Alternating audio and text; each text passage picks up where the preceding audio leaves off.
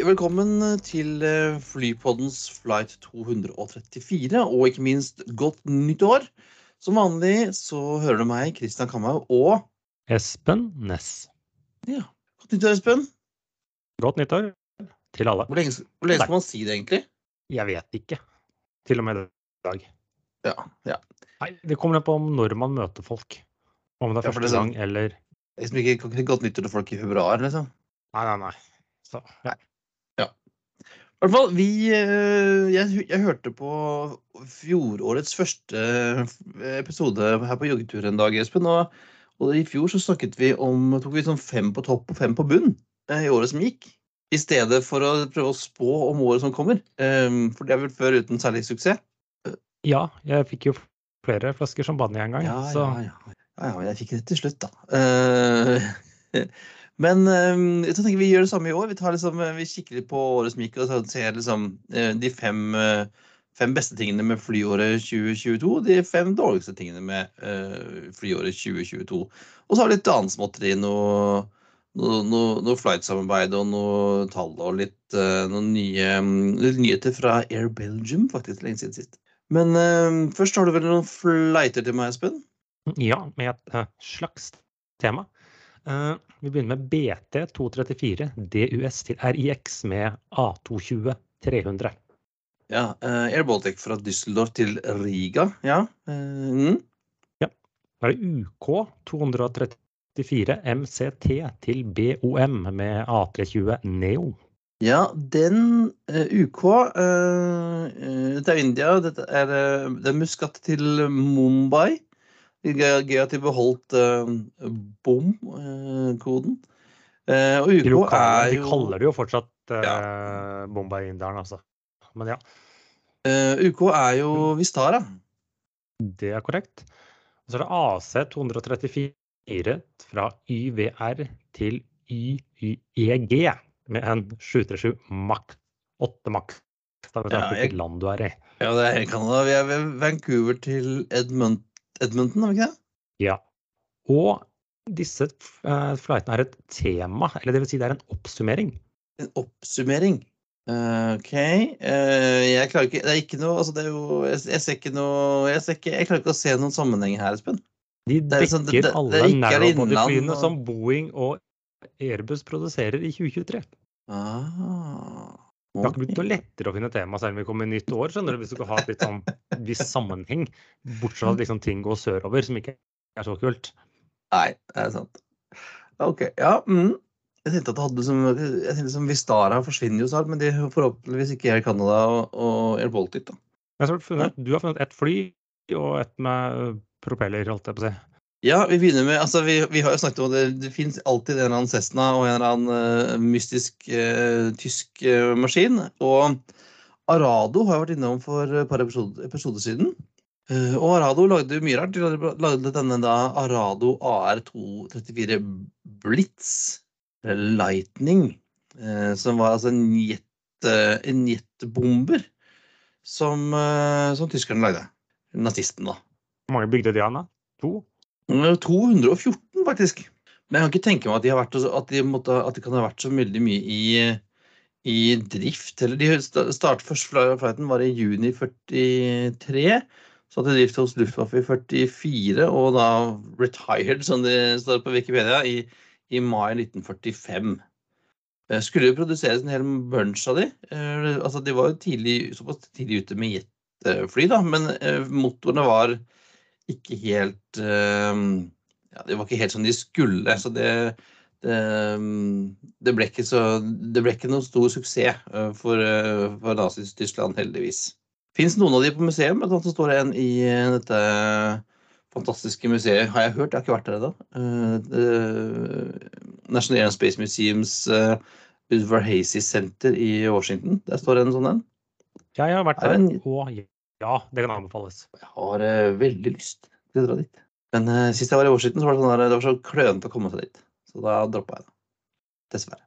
Men fra en eh, obskør tysk eh, jetbomber til en, en Boeing-modell som man kanskje har glemt litt. Ja, men ikke helt vanlig Boeing-modell. Ikke et sånt rør med to motorer under vingene som går i 850 km i timen, type. Nei, dette er mer en klump med to svære propeller på taket. Eh, Boeing eh, 234 Chinook. Eh, er kanskje mer kjent i dag som eh, CH-47, som er en, som en militært eh, helikopter. Eh, det som kalles for hev- heavy, altså tungt helikopter med to store rotorer på taket. Eh, er vel det største som produseres nå, tror jeg. Så vidt jeg vet, jeg vet ikke om det er Giga russiske helikoptre fortsatt produseres, jeg. Som jeg tror var større. Den er større, men den her er vel den som er i produksjon fremdeles. Og mm, har vel bygd over, eh, over, over 1200 av de siden 1962.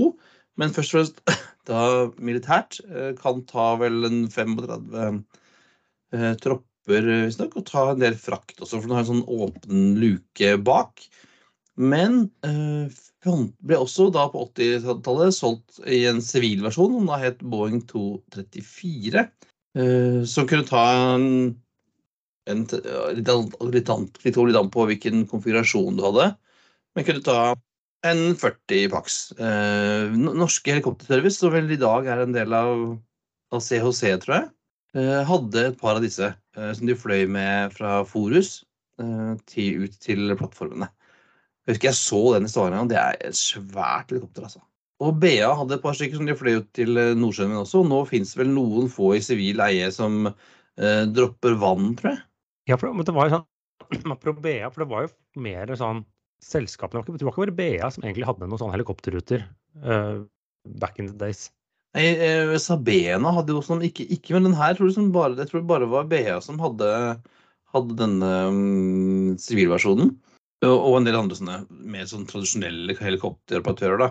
Eh, BA hadde jo et sånt helikopterselskap ganske lenge som de fløy annet til Isles of Scilly, eh, helt sør i England. Eh, og litt sånne steder. Men altså, det er jo et imponerende skue, det der helikopteret. Ja, jeg tror jeg har sett det én en eller to ganger. Så det er jo store ting som kommer flyvende. Ganske sakte. Ja. Og lager godt med lyd også. Fra disse skal vi vel skal vi bare gå, rett på, på dagens tema, Espen, med, med topp fem og, topp, og, og bunnen i fem. Ja, og jeg er jo forgjenger. Vi La oss begynne med dritten. OK, la oss begynne med, med fem på bunnen. Ja, og der har jeg som da femteplass, og liksom Vi tar det minst dårligste først, riktignok her. Eh, og det er jo hva det var en merkedag. Det er riktignok ikke levert, men siste 747 er produsert. Eh, og det er jo slutten på en æra. Det, er- det er ikke noe det er helt fornuftig at man nå kanskje ikke produserer det mer og tiden, tiden er rent ut, men uh, det er jo en liten sånn nedtur. Som var sånn siste av de klassisk firemotorsflyene som nå uh, ikke lenger produseres. Ja, og det er jo en, sånn- det er, det er en klassiker. Det er jo i en tid hvor alle andre fly ser helt kliss like ut, omtrent. De har, de har to motorer under vingene, og så er de enten litt breie, eller så er de tynne. Så er det jo sånne kommersielle passasjerfly, de ser jo ganske like ut eh, etter hvert. Og nå, nå tar vi jo ikke med sånne EV12 som har sånn 34 motorer på størrelse med hårføner alle sammen, men av ordentlig fly. Ja, ja og det er, altså, for, for det er jo få fly, eh, bortsett fra Concorde kanskje, da, som så, har en så distinkt look som eh, 747, med den, denne klumpen foran. Ja, i hvert fall, i hvert fall innen kall det si, sivil passasjerluftfart. Det er jo mange småfly og militære fly eh, som har distinkt eh, utseende eller er litt spesielt over seg. Men innenfor si, den vanlige kommersielle luftfarten så er det jo ting som de ligner litt på hverandre. Eh, vi klarer seg forskjell, eh, som er eh, hakket over middels interessert, men eh, for andre så ser det veldig likt ut. Ja. ja. Og det er, jeg, jeg, jeg hørte noen som sammenlignet det med biler. Dagens biler også ser ganske like ut. Ja, litt det samme. Ja, liksom man har funnet en form og en, eh, en konfigurasjon som, som passer og funker og, og leverer, så er det, det er lett å bygge ting som fortsatt ser sånn ut. da. Så får vi se da om alle disse ideene om fremtidens eh, fly skal eh, se litt kulere ut enn det som vi får i dag. Og siste 747 har jo ikke blitt parkert ennå heller. Det fins jo fremdeles mulighet til å fly både 747, 400 og 8 her og der. Lufthansa har jo åtte Ja, men. Lufthansa, som er jo den, det nærmeste, så er jo fortsatt uh, mulighet for å fly det. Uh, Jeg har fløyet to, fire, seks ganger, tror jeg, med 747. jeg har en håndfull, men kun den 400-versjonen. Men da med forskjellige selskap. Uh, ja. Min beste var vel når jeg fløy fra London til, um, til Sør-Afrika, til Johannesburg, med 747 400 til uh, South African. Og der hadde de økonomiklasse oppe. Så jeg klarte å skaffe meg en plass oppe. Og det var jo helt nydelig. En liten sånn minikabin der oppe som var stille og rolig eh, for oss. Jeg, jeg, har to flighter, eh, en med Asiana og en med Lufthansa, hvor jeg har sittet på rad én i nesen. Oh, first class, liksom. Så da har du jo ingen dør foran deg. Ja, eller nei, Lufthansa var business og Asiana var first. Men foran nesen så krummer den jo eh, seg såpass at du, sånn, du, ser jo nesten fremover. Ja, det stemmer det. Ja, det gjør du. Uh, og så har jeg sovet i en 747 uten å reise noe sted et par ganger. Er den i, Arlanda? Ja, på Arlanda har vi jo, har vi den gamle uh, Panam-maskinen, vel. Som uh, man kan sove i. Huh? Power Air, ja. men den var kanskje innom ja, Panama. Panama. Ja. Så det, det, er jo, det, er jo, trist, men, eh, men vi, overlever. vi, overlever. Det, det, dukker sikkert opp noe annet spennende i framtiden som uh, kanskje kan ta 747s plass. Uh, men noe som ikke skal 747, uh, men som allikevel er i luften. Og ja, det er fint, men de flyr ikke like høyt som vi skulle ønske kanskje begge to skulle gjøre. Nei. i for, ja, I året som gikk, så jo, startet jo Norse Atlantic å fly. Og året før så var det jo um, eh, Flyr som kom i gang. Eh, og de hadde jo begge selskapene ble jo lansert med store planer om hva de skulle gjøre. og Masse fly og sånn, og nå er de vel uh, ikke helt der de hadde tenkt, noen av de. Nei, Hvor mange sånn, fly har Norse i drift nå? Et par stykker? Selv? Håndfull, men så er det jo leid ut fem. Og, ja. og Flyr har jo parkert uh, Halvparten, vel? Eh, ja, røftlig halve flåten akkurat nå. Uh, skal ikke noe mer. Så det er liksom bare en nedtur at de det, var, det, er flere årsaker til det, da, men at de liksom De fikk ikke til Eller det, hittil så har de ikke Kan du si at de har lyktes med det de prøvde på. Det betyr ikke at uh, det vil nødvendigvis skjer sånn i Det blir fasit etter 2023, men man kan jo forslå at sånn 2022 har vært en skuffelse med de to nykommerne som vi har heid på. Ja. Eh, og begge to har sånn brancha ut i andre ting. Eh, både Flyr og Norse driver jo nå flyr charter og wetlease og litt sånn forskjellig. Ja, ja begge, begge Nylig, to har vært jo, aktive på det nå. Ja, for uh, Norse har både fløyet forsvarscharter og uh, siste dagene fløy også fløyet for TUI, som har fått uh, ødelagt en Dreamliner i København. Ja, og jeg har sett uh, også Juland så fløy Norwegian, nei, ikke Norwegian, jeg flyr bl.a. for uh, Transavia. Ah, ja. ja. Nei, vi må finne på noe å gjøre da, når ikke de klarer liksom, å, å, få den uh, rutebusinessen til å gå som den skal. Uh, men de har jo begge planer om å, om å gire opp igjen til sommeren, så vi får håpe at det blir et bedre år for dem i 2023 enn det var i 2022. Vi krysser fingrene. Ja, vi absolutt det. Og for å si sånn, hvis ikke det blir et bedre år, så, så er de ikke her i 24. Uh, nei, uh, det, det, er nok dessverre sant. For det, jeg tror det, det, virker som det er En god stund virket det som det var uh, ingen, ingen, stopp i hvor mange penger folk ville investere i flyaksjer. Mens det ser ut som det har etter den siste pensjonen i, i Flyr, at man har blitt litt mer lunkne til å putte penger inn i flyselskaper. Som jo kan være en dårlig nyhet for nestemann på lista. Ja, for det er jo altså liksom SAS eh, Både den pilotstreiken de hadde i sommer, som var ødeleggende for veldig mye, og at de eh, si, ble nødt til å ta turen inn i chapter 11. Det sagt, så har jo både jeg og du eh, Christian, tror jeg argumentert for at SAS burde egentlig vært i chapter 11 for lenge siden for å rydde opp, men vi tar det for det at det var en nedtur, liksom hele settingen rundt det osv. Ja, det, altså det, vi, denne, fly, denne pilotstreiken som varte vel i var det halvannen uke? Ja, det skulle være nærmere to. Eller var det to Samt, uker, kanskje? Det er, ikke, det, er sagt, det er ikke derfor SAS havnet i chapter 11. For den kassa nei. var jo blødende, om ikke tom, eh, eh, fra før det. Eh, så det, det, er ikke noe sånn. Men eh, vi, vi, har for det valgt å gruppere dem eh, sammen. Som det kulminerte vel med årevis med ting som har blitt gjort og vært Eh, på en måte som det ikke burde vært på, for å være litt generaliserende. Ja da. Eh, og så får vi håpe at også da planen til SAS er vel at de skal ut av chapter 11 ned på 2023? Ja, opprinnelig var planen til sommeren, men uh, veldig mange Det ryktes vel at akkurat den tidslinjen ryker, men det er heller ikke unormalt for chapter 11. Jeg husker ikke hvor lenge var det Aramexco og Avianca hvor lenge de surra inn der for de kom ut nå i løpet av 2022. Ja, så vi får krysse Og så på andre siden så må jo da Da må man få noen nye, nye eiere, da. Noen må putte litt mer penger i den, i den, i den butikken også. Ja, den, den, vil jo komme ut da med eierne av Eierne i stor grad vil jo være den danske staten og disse Apollo Asset Management. Ja. Eh, og så får vi se da om folk er interessert i å putte mer penger i den eh, også. Ikke norske staten i hvert fall, heldigvis. Men det er jo sikkert noen andre som vil putte penger i det. Uh, og litt som en del, det glir litt over i hverandre, men det som vi har på andreplass, nest dårligste i 2022, var jo hele flykaoset i sommeren uh, i fjor. Ja, spesielt noen land var rammet hardere enn andre, og spesielt det liksom generelle. Uh, du hadde hele Storbritannia, du hadde Amsterdam, du hadde Stockholm osv. Uh, tidvis også andre steder, Tyskland. hvordan de liksom ikke klarte å liksom Oi, nå kom passasjerene tilbake, men de ansatte hadde man vet ikke, sparket, forsvunnet. Ja, og så hadde vi da Gått videre til ikke, grønnere sider.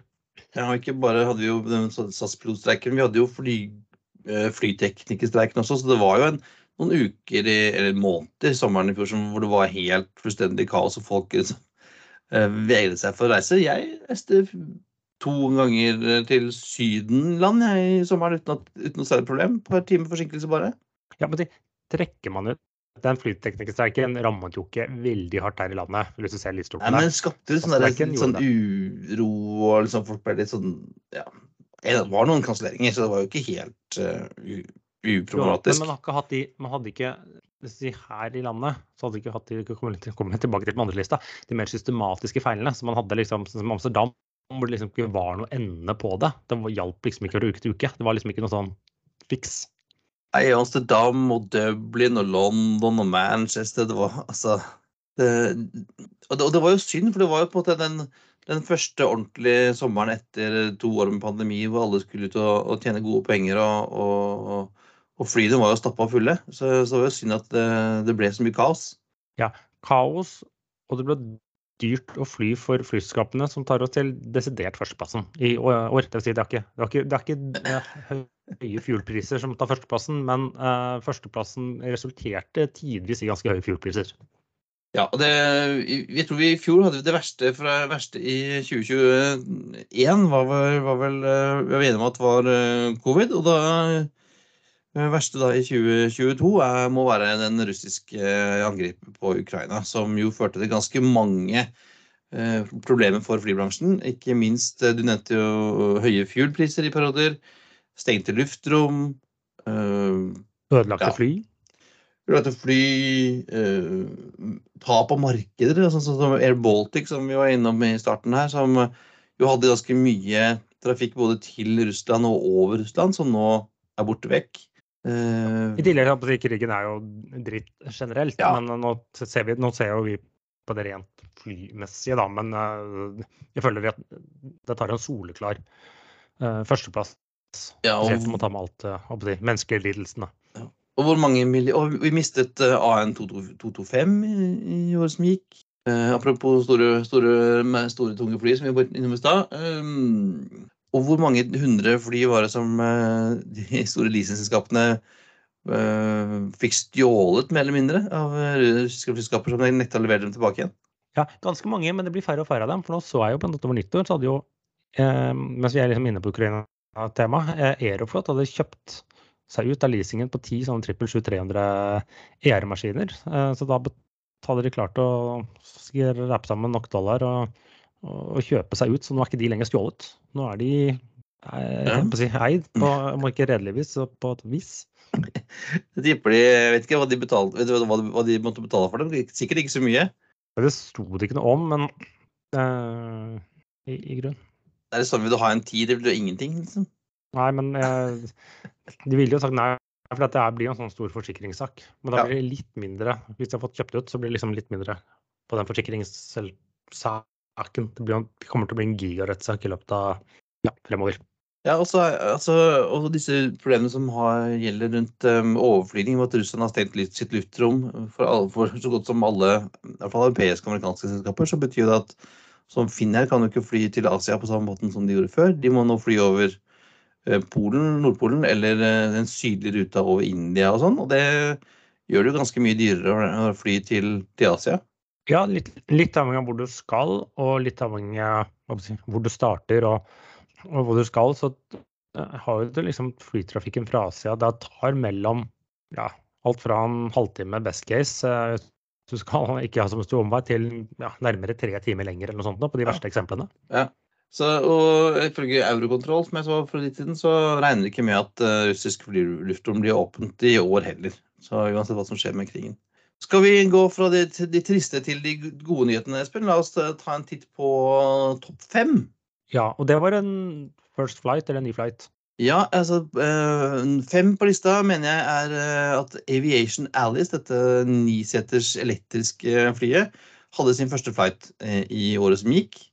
Og så har vi ikke hørt så mye ja, fra dem. Og det er vel da det som ligger kanskje lengst fremme i utviklingsløypa for Eller nærmest kommersialisering av elektriske fly av de niseterne, som ikke bare er en sånn ombygging, men som er liksom et ja, tegnet fra scratch.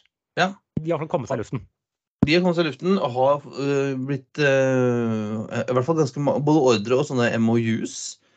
Uh, er bare nisetter, men, men det viser jo da at elektrisk fly er liv laga, og det funker.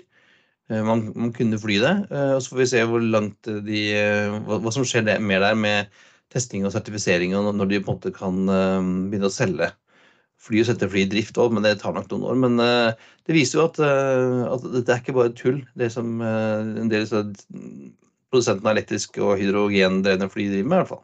Nei. Og plassen over har vi jo Det henger, det henger sammen med oss en på bunn, men det var et Norse kom seg i luften. startet opp som et nytt norsk flyselskap i løpet av året. Begynte i juni? Mai? Juni? Ja. Uh, jeg har fløyet dem, ikke, til, ikke på Longhold, men til London. Og det var greit. Det er vel ganske likt som gamle Norwegian Longhold, slik jeg har forstått. De er kanskje enda hissigere på ancillary revenues, men de må jo De er nødt til å få, få inntekter, de òg. Så jeg, jeg, var jo veldig skeptisk til at de skulle komme seg i lufta i det hele tatt, men uh, plutselig sto det fly på Gardermoen, og så dro de gitt. Det, og det, de har gått nå et halvt års tid, og det Pengene renner nok ut, men, men, det ser ut som det funker på et eller annet vis. da. Så vi får håpe, som vi sa i stad, at de klarer å få nok penger til at det går rundt, og at de kan eh, komme i gang med den ekspansjonen som de har lovet for 2023. Eh, som da vel nå innebærer flyvninger både fra Oslo, London, Paris og Berlin til USA. Stemmer. Eh, og den der lille avstikkeren Oslo-London, som fremdeles er mulig å kjøpe hvis man skal ta en kjapp tur til London anbefales, bortsett fra at du lander på Gatwick, da, selvfølgelig. Ja. ja, men til London det kommer helt an på hvor i byen man skal. Men altså, Gatwick er Selv om jeg stort sett bruker Heathrow, men det er en helt annen sak. Ja. Ja, ja. Men, men, så har jeg på plassen over, da. Vi var jo inne på ja, det var litt sånn streiker og litt flyteknikere, men jeg, jeg, min mening er at norsk luftfart har operasjonelt fungert bra i år. det har det, altså. Når du ser sammenlignet med andre land. Um, flyselskapene har mer eller mindre si, Eh, den daglige driften føler jeg har gått bra. Jeg er ikke så sikker på hvor mye penger de har tjent. Eh, det er en helt annen sak for rent finansielle, men rent operasjonelle. Eh, reise innen Norge nå, du har jo alltid været, men det var liksom ikke noe sånn Du har ikke hatt sånn tre timer køer i sikkerhetskontrollen. Du, det, det har vært mulig å skaffe seter, billetter, Det er stort sett dit man skal. Det, det har liksom fungert på litt sånn godt gammelt vis. Ja, altså det, det, er mange som har pekt på det, og det har vi jo også nevnt, at dette, dette um, dette, muligheten til altså Permitteringsregimet er det som har reddet dem. for at uh, I andre land så har man bare sagt opp folk, og de har forsvunnet og fått seg nye jobber. Mens i Norge så kunne man jo lett ta folk tilbake igjen som har blitt permittert, tilbake igjen i, i drift når, de, når, trafikken var tilbake igjen. Det virker som ja, altså, uh, Innenriks i Norge gikk jo litt dura litt hele tiden. altså Det var ikke sånn ja. full Det var full, det var full stopp, full stopp en liten periode, men det var i 2020. Så det har liksom alltid vært sånn jobbtrafikk, og ting har liksom gått litt rundt, da. Ja. Så det, er det som har vært godt å ha hatt uh, svenske og danske på besøk i Norge, og så sier de at men altså, flyplassen og Gardermoen fungerer jo helt supert. Eh, mens man på Kastrup og Arlanda har hatt store store problemer gjennom eh, fjoråret. Så det er bra. Godt eh, jobba fra flyskapene, Avinor og handlings handlingsselskapene. Og, og på andreplass så er det rent helt Hva heter det? Ubeskjedent selvskryt. Ja. Vi, Flypodden har altså arrangert sin egen charter. Ikke til Syden, men til Røst. Ja. Øy er øy. Er øy. Og det var veldig, veldig gøy. Det var jo i starten av juni. Ja, da Bodø, Bodø Røst med videre chartet fly. Hadde kjempetrivelig. Sosialt uh, hyggelig også i Bodø. Vi fikk vært besøkt videre. Hadde en flott omvisning der i flere seksjoner, hvis man kan kalle det. Og ikke minst en flott uh, omvisning Ja, var på nødlanding, liksom nødlanding, riktignok. Og en flott uh, omvisning hos Luftfartsmuseet der oppe. Veldig, veldig gøy tur. selv om jeg fikk covid, så var det en ålreit tur. Jo, jo, men eh, Og det tar jo også til det siste punktet. Ja. Eh, altså, eh, topp én, det aller beste som skjedde i flybransjen i året som gikk, var jo da at pandemien eh, mer eller mindre er eh, over. Eh, vi ja. Nå kan man si at ja, covid har ikke forsvunnet, ting, men sånn i det hele tatt store bildet nå, så er liksom for de aller fleste av oss, eller sånn det er litt sånn korona er det en influensa? Er det, eller, eller sånn, det, er, det er en sykdom som er der, men nå tikker det og går. Nå er det de aller fleste bare i beng. Ja, det er, det er, slutt å ha Selv på Lufthansa trenger man ikke noe munnbind på flyet lenger. Eh, det er ingen innreiserestriksjoner noen særlige steder. Kina har jo til og med åpna ja, det er, no, det er enkelte land, ja, jeg tenker ja. i Europa nå, så er det mer eller mindre fritt. Og, altså det, og det er liksom, man, man kan liksom ikke skylde på det. Man har konferanser, man har møter. Uh, man kan se hverandre selv om man nyser og hoster litt. Uh, ja, det. ja det, var, det, det, var den, det, var, den, pandemien. Uh, famous last words fra han fyren der. Men det er godt. Vi, vi, kan nå Vi hadde jo trodd at alt skulle bli bra, han skulle bli supert og skulle friske opp igjen pengene, og så kom jo Putin invaderte Ukraina, da, så da ble det ikke helt tipp topp allikevel. Så får vi se på, ja, på neste år. Da har man litt sånn renter og strømpriser og, og inflasjon og andre sånne ting. Never a dull moment i denne bransjen som vi følger, Espen. Nei, skal vi gå og se Men Nå har vi sett bakover. Ja, skal vi se hva har skjedd. Hva er nytt? Ja, det har jo skjedd litt et og annet eh, siden vi spiste ribbe, Espen. Så eh, Flyr, eh, som vi var inne på, eh, har jo lansert det de kaller en slags interlining, eller billettsamarbeid med Whaling. Ja. Som jeg ikke helt skjønner. Er jo litt, litt Nei. Dette er litt det samme som Norse har med både Flyr og, og Norwegian. Det vil si, da kan du bestille Det er en sånn liten link eller et eller annet sånt på Norse side. Det er ikke den vanlige siden. Du, ja, du må, og du må lete godt for å finne den. Ja, jeg har klart å finne en link. Eh, men da er det sånn du kan booke en semisammenhengende eller du kan liksom eh, greie. Og det skal nå også fungere mellom Flyr og Vueling. Uh, det har jeg ikke skjønt hvor man booker, men Nei, jeg har ikke, jeg har ikke funnet noe sted. Uh, Foreløpig ser jeg bare det selges på og Jeg bare antar at det er gjennom det dohop, at ikke det er helt sånn egensydd. Eh, sånn Momondo og sånne ting. Så det kan være at da kommer de opp der uten at jeg er helt sikker. Ja, eh, for det er jo litt sånn, det er denne islandske vel, dohop som har sydd sammen Og det er en sånn slags en slags interlining-aktig Ja, det er interlining, liksom interlining for selskaper som egentlig ikke driver med interlining. Så det er for å få litt feed. Jeg er litt usikker på liksom, de helt store volumene, og det er jo ikke noe sånt system på det. Men ja, de forsøker i hvert fall å generere litt flere passasjerer, da, så godt de kan. Ja, Vi ønsker dem lykke til med det og flere passasjerer. Espen, hvordan ble, apropos det, hvordan ble juletrafikken? Veldig rar. Ok. Eller helt OK. Nei, det er noen litt sånn rare periodiseringsutslag rett og slett over julen. Så liksom, når jeg tok ut så tallene for uh, uke 51 så viser den minus 28% liksom stupte sammenlignet med 2019 uten at passasjertallene falt. Men i uke 52 så var det 9% høyere enn 2019. Men det er litt sånn når uke 51 startet, når startet uke 52, hvilken dag i uka var julaften på, ja, alle de røde ja, ja. dagene og sånne ting. Og hvis man tar et gjennomsnitt av dette, så blir det sånn ca. rundt minus 10% Det var jo bedre enn hva man hadde i starten av desember. Så det tyder på at selve juletrafikken har vært helt OK.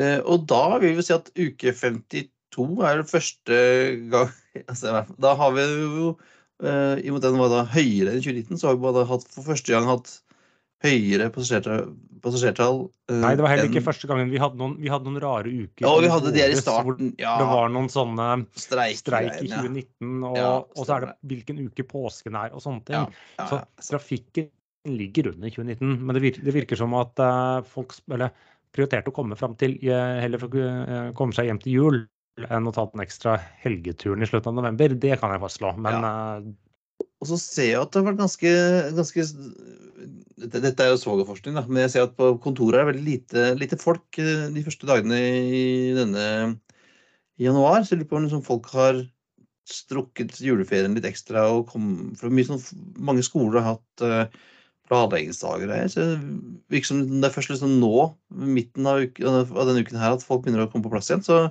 kanskje uke én er litt sånn uh, Kan være litt god òg.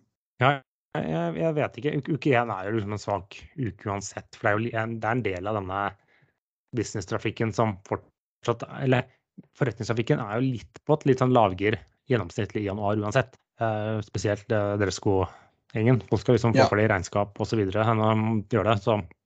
Men det blir spennende å se da, utviklingen nå uh, fremover. Eh, kommer vel til å ligge Se om, om, om vi fortsetter å ligge på rundt 10% under 2019-nivå, da. Kanskje. Det lå jo sånn rundt 12, 13, 14, 15 eh, utover senhøsten. Så mm, min hypotese er at den spretter litt ned dit igjen. Eh, og vil være sånn, i hvert fall fram til påsken, men det er bare min, min gjetning. Inn gjetning.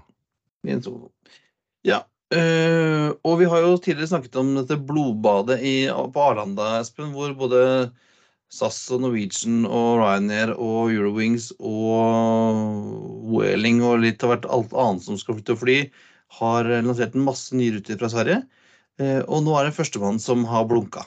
Ja, Eurowings. Eh, de hadde jo planer om å basere fem fly der. Jeg aner ikke hvor mange de har nå, men nå skal de da til sommeren Alicante forsvinner, Barcelona, Birmingham, Herakland og Rodos, Det vil si at får- ingen får til Birmingham fra Arlanda. Så den er grei. Når du, liksom ikke, når du trekker inn årene til liksom, som et lavprisskap til Alicante Barcelona, da tyder det på at eh, Eurowings ikke er den foretrukne selskapet for svenskene.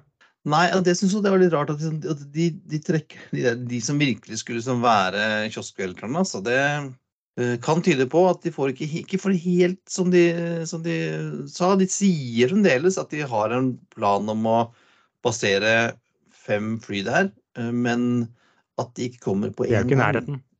Nei, det, det, det, er i hvert fall eh, sant. Men jeg tror jo at Eurowings her trodde at nummer to-posisjonen på Arlanda var ledig, og hadde snuste litt på den. At enten si, SAS eller Norwegian eh, skulle forsvinne, og kanskje ikke Ryanair ramp opp som de hadde gjort. Så istedenfor er liksom Eurowings er de fjerde eller femte største, eller hva det måtte være. De er liksom Ja. ingenting. Nei, det er på tide at dere cut your losses, eh, guys. For at eh, ja, Særlig at Ryanair gikk inn, tror jeg nok ikke var helt eh, planlagt. Og de flyr vel Ryanair, tror jeg, flyr disse uh, change er det? Nei. Ja, nå er vel de litt overalt. Vi ser det stadig på Torp og litt sånne ting. Game changer. Liksom. Game Changer, er det ut at heter? jeg, jeg har ikke sjekka hva de egentlig har basert på Arlanda og hva de flyr. De er ganske store, eh, mens det fins jo små fly også. Eh, vi har jo vært innom denne her før. Ja, Cessna 408 Sky Courier, som er, er jo nesten sånn Det var Fedex som trengte et fly av en viss størrelse og gikk til Cessna og sa vi skal bestille veldig mange. Vi skal ha en sånn som kan ta i en container eller to, sånn lite propellfly som en sånn feeder. Da tenkte Cessna at ja ja, vi kan like godt lage en passasjerversjon også. Ja, for det er jo egentlig en container med vinger. Ja, det, det er liksom noen av friske litt, litt form Du har ikke sett en så firkanta form siden uh, Dornier 228 og disse gamle shortsmaskinene som Mukki drev og fløy rundt. Ja, ja, Skyvan og sånn, ja. De var jo også de var jo rimelig firkanta. Men uh, nå har altså Cessna fått uh, den første ordren på passasjerversjonen. Meksikanske Eirus har bestilt to stykk av denne som får 19 seter, og så har de kjøpt fire Cessna Caravan. Eh, de skal, et, nytt, et oppstartsselskap skal fly til små byer i Mexico og internasjonalt, som de sier, fra basen i Monterrey med oppstart nå i Q1 23. Og mens de har kjøpt to, så har altså FedEx som var inne på, Espen, de har da bestilt 50 av denne fraktpersonen sikkert en haug med opsjoner. også. Ja, ja. De kan ta så mange, mange de vil, og de har jo haugevis av disse Cessna Caravans som de skal erstatte med disse flyene. Ja, Inntil de får dem eh, selvflyvende, som de også driver med. Ja, de, de forsker jo litt på det også. Og så er jeg litt sånn skeptisk på meksikansk odde selskap som kan fly fra små steder med caravan. Skal du ha liksom mm, ni sånne folk med gunner i, si, oppe, og så fylle den der eh, buken full av kokain som de driver med der borte? du, tenkte, du, gikk, du gikk dit, ja, Espen. Du gikk dit, ja. ja, ja. gikk dit, ja. Tenkte det er sånn der um, pulverfrakter der borte, men eh, jeg har kanskje tatt litt for mye på Narcos og Pablo Escobar, men ja. Det det er godt mulig. Yes, yes, apropos det, Uh, i gamle dager så fløy det jo DC6-er og alt mulig annet uh, gammelt raskt. De fant uh, her der, men jeg har sett at de nå flyr de sånne gamle Gulfstreamer og, og sånt. Og fyller de med Ja, ja. coke, og så kjører de fra en eller annen sånn derre dirt-stripe ute i jungelen. Men fra, fra meksikansk narkoflight-respen til en, eh, en friend of the pod, nesten, som vi har lenge siden vi har hørt noe fra, nemlig Air Belgium. Ja, og de kommer jo De, de forsøker seg jo litt, da. Litt som fraktselskap og litt som Wetleys og litt på egne ruter og litt som charterselskap og litt for naturoperatører. Eh, de trengte mer penger. Ja, for det var visstnok eh, rykter om at de var i ferd med å gå konkurs nå før jul. Men Ja, det så har de Ja, da. Ja, ja, det er eh, klart. Eh, og nå har de fått inn en 10 millioner euro, 100 millioner kroner, så i friske penger fra de eksisterende eierne, så da Ja, og det, skal dette det gå var stort sett lån og konvertering av lån, så det var ikke sånn Det var ikke egentlig en sånn vanlig emisjon. Så det var eh, Så de har tilbudt De eies jo Er det 49 av dette eh, kinesiske fraktselskapet som de driver og flyr masse for? Hangqui eller Hangwan Ja. eller ja, Jeg husker ikke hva det heter. Han ja. Men altså, vi krysser fingrene for at Air Belgium eh, fortsetter å leve, slik at vi kan ta en tur med dem snart, Espen. Ja. Og det, det er noen andre vi skulle ta, tenkt også tatt en tur med, og det tar oss litt over til ukens anbefalinger. For vi driver en flypod, men vi skal holde oss unna eh, flyselskaper. Drive, eller vi skal holde oss unna å drive flyselskap, men det er en del flyselskaper som går andre veien. Vi Ja, hvor eh, lukrativt det er å drive flypod. ja. Eh, Ryanair hadde jo Den har vi anbefalt før. De kjørte vel, hadde vel én episode, tror jeg, for de ga opp de greiene der. Men nå har det dukket opp en eh, ny podkast fra et selskap som vi jo eh, er litt glad i, eh, Espen. Uten å fløyte dem, da. Uten å fløyte dem ennå. Vi skal. En dag. Eh, Loganair i Skottland, altså Storbritannias største regionalselskap, har laget en podkast som heter Flightlog. Eh, har ikke klart å finne den i noen podkastspiller, men finnes altså på Loganairs nettside, som vi legger en link til. Så langt så har, jeg, har de lagd tre episoder. Jeg har hørt eh, to og en halv eh, i dag. Eh, Den ene er med CEO-en Jonathan Hinkels, der han snakker om eh, hvordan eh, Loganair jobber med bærekraft og elektriske fly og hydrogen og ditt og datten. Eh, Og så er det en episode med mm, kommersiell direktør Luke Lovegrove, litt av et navn, eh, som snakker om eh, hvordan eh, regionalflyselskapet fungerer, og hvilket nettverk de har, og hvor de flyr, og hva slags type fly de flyr. og sånt. Interessant. Og så er det en med HR-direktør Lindsay Kennedy som snakker om familiefølelsen som er i Logner. Det er en sånn liten familie. Veldig mange, de sier det er veldig mange sånn eh, mor og datter, far og sønn, eh, tante og onkel, eh, familiekonstellasjoner. Han fortalte om en hvor en, hvor, piloten, pilotens, den kvinnelige pilotens mor var stewardess på, på en flight, blant annet. Så, snakket litt om mangfold. Blant annet så har de De har, hadde, har Storbritannias første hiv-positive flykaptein. Fikk egentlig ikke forsikring, og dermed fikk han ikke eh, lov til å bli kommersielt sertifisert fordi han var hiv-positiv. Men det fikser de på et eller annet vis, da. Så, eh, så langt eh, interessant, interessant pod. eh, 15-16 minutters episoder. Med intervjuer med én og eh, leder. Jeg håper de fortsetter å lage mer av disse. Jeg syns det er hyggelig å høre. Eh, Og så håper jeg de begynner å klare, å få publisert den en eller annen spiller, for det er litt klønete å drive måtte gå inn på nettsidene og spille den av derfra på mobilen. Så eh, når dere er ferdig med å høre på oss, kan dere høre på uh, Flightlog-podkasten til Loganair. Men det var alt for denne gang. Det er på tide å feste sikkerhetsbeltene, rette opp setet og sikre fri sikt ut av vinduet ettersom flight 234 94 går inn for landing. Som vanlig finner du linker til det vi har snakket om i dag på flypodden.no. Du finner også på Facebook, flypodden og Twitter at flypodden, og Instagram at flypodden. Har du spørsmål, vil invitere oss på flytur eller sponse oss, eller skal vi ta opp noe, er det bare å sende oss en mail på hallo at flypodden.no, eller ta kontakt på Facebook. Ha det bra. bra. We thank you for flying with us today. We truly appreciate your business and look forward to serving you on a future flight.